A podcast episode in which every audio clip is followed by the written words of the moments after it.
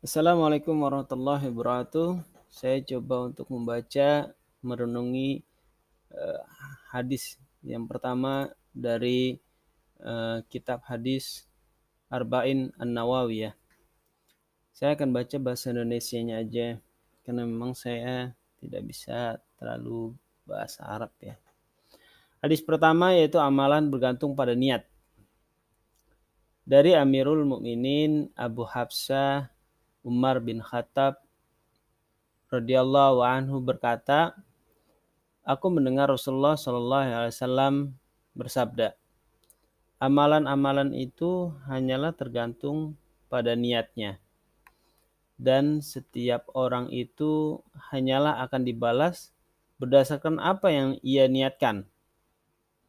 Maka barang siapa yang hijrahnya kepada Allah dan Rasulnya, maka hijrahnya kepada Allah dan Rasulnya. Namun barang siapa yang hijrahnya untuk mendapatkan dunia atau seorang wanita yang ingin ia nikahi, maka hijrahnya kepada apa yang ia niatkan tersebut.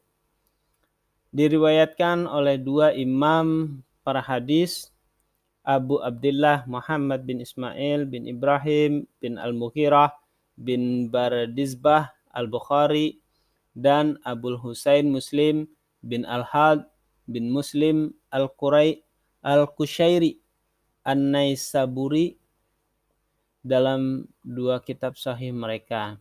Yang kedua merupakan kitab yang paling sahih di antara kitab-kitab yang ada.